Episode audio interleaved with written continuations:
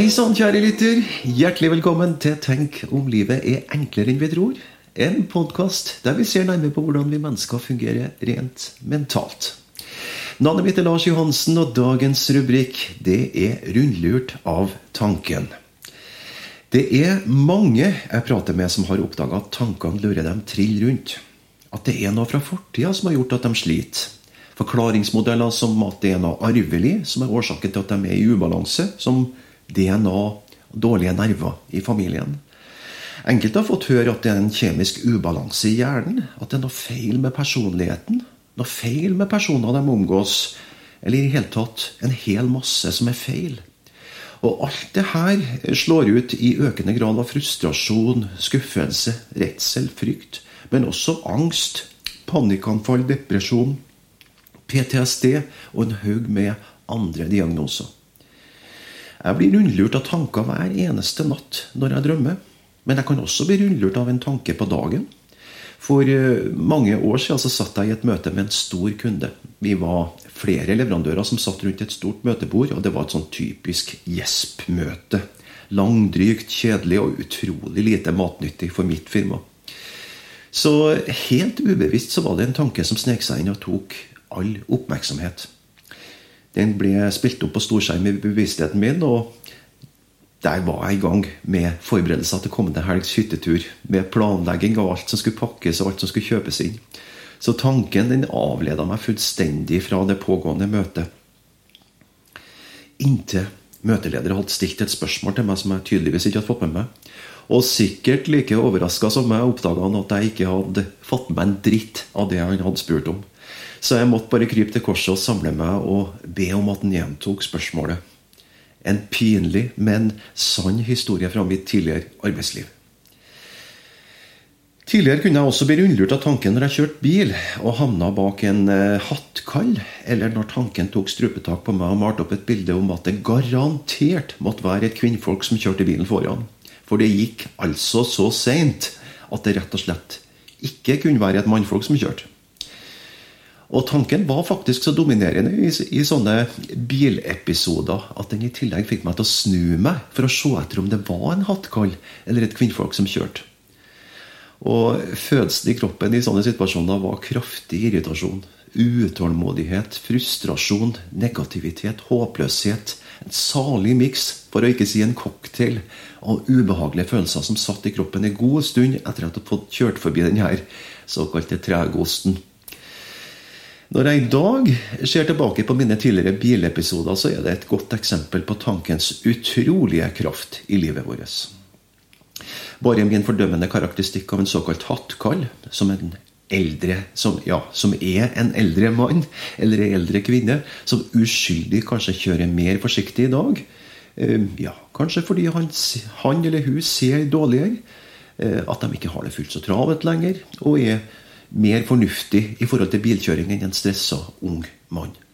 Også min fordømmende holdning til at kvinner kjører saktere enn mannfolk, er sånn typisk resultat når bevissthetstilstanden går ned.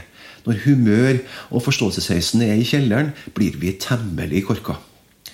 Amygdala i hjernen, også omtalt som hjernens vaktsentral, stenger all kontakt med fornuften, og vi handler impulsivt og følelsesladd. Det er fascinerende hvor rundlurt vi blir av tanken hver eneste dag. For det, det dukker stadig opp tanker som kategoriserer andre mennesker og setter dem i bås. Han eller hun er sånn og sånn. Og så ser vi kanskje etter at vi har blitt kjent med det her nye mennesket, at det bildet vi har malt opp, det stemmer overhodet ikke med virkeligheten. Men det som skjer, er at hjernen har et automatisk tankesystem som forenkler og hjelper, eller i hvert fall prøver å hjelpe hjernen med å spare energi. Den gode nyheten er at med en dypere forståelse av de tre prinsippene, så vil man i større grad avsløre tankens mange svindlerforsøk. Og mye raskere komme tilbake til den eneste tida som fins. Her og nå. Ja, for om du klør deg med høyre hånd nå på venstre skulder i går, prøv det. Får du til det? Nei, det gjør du ikke. Så kan du prøve å gjøre det samme eh, neste mandag. Prøv å klø deg på venstre skulder neste mandag. Går det? Nei, det går heller ikke. Det betyr at fortida er over. Fremtida har jeg ennå ikke hendt. Det fins bare her og nå. Akkurat her og akkurat nå.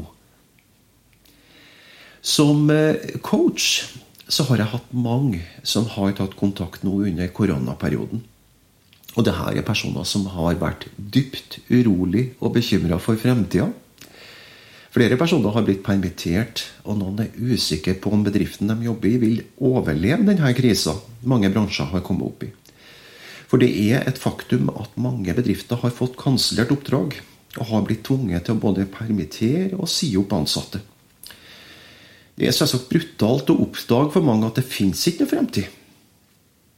Vi har vært vant til å stå opp hver eneste morgen, spise frokost, få barna på barnehage og skole, dra på jobb.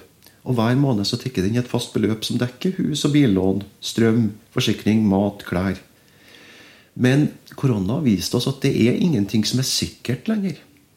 Det var det heller ikke før. Men det har blitt tydeligere for mange at det fins ikke noe fremtid. Og det skaper frykt, redsel, angst, panikk og depresjon. Tanken lurer oss så borti natta. Den får oss til å tro at vi er innholdet i tanken. At vi er verdiløse. At vi er udugelige. At vi er mindre smart. At det her er ingenting som du får til. Eh, men du er så ufattelig mye mer enn innholdet i en tanke, for du er den som tenker. Du er aldri innholdet i en tanke, for en tanke den kommer og går. Og meg bekjent er du ingen såkalt ånd som kommer og går. Nei. Du har et ubegrensa potensial, og du har tilgang på et enormt arsenal av ressurser som alltid er tilgjengelig for deg. Bare én tanke unna. Aldri mer, aldri mindre. Én tanke unna forandring. Om du ønsker mer informasjon, kan du gå inn på min hjemmeside Lars Johansen på enkleste måte i ett ord.no. Der vil du også finne informasjon om et kommende coachkurs som starter i begynnelsen av oktober. Der du har mulighet til å fordype deg innenfor denne nye, spennende psykologiske retninga som jeg prater om. Det er en unik mulighet til å oppnå forandring i livet. Profesjonelt og privat. Du må gjerne også sende meg en mail om du har eh, spørsmål, eller om du har eh, forslag til tema som du gjerne vil at jeg skal ta opp i kommende program. Da takker jeg for i dag, og så høres vi om ei ukes tid.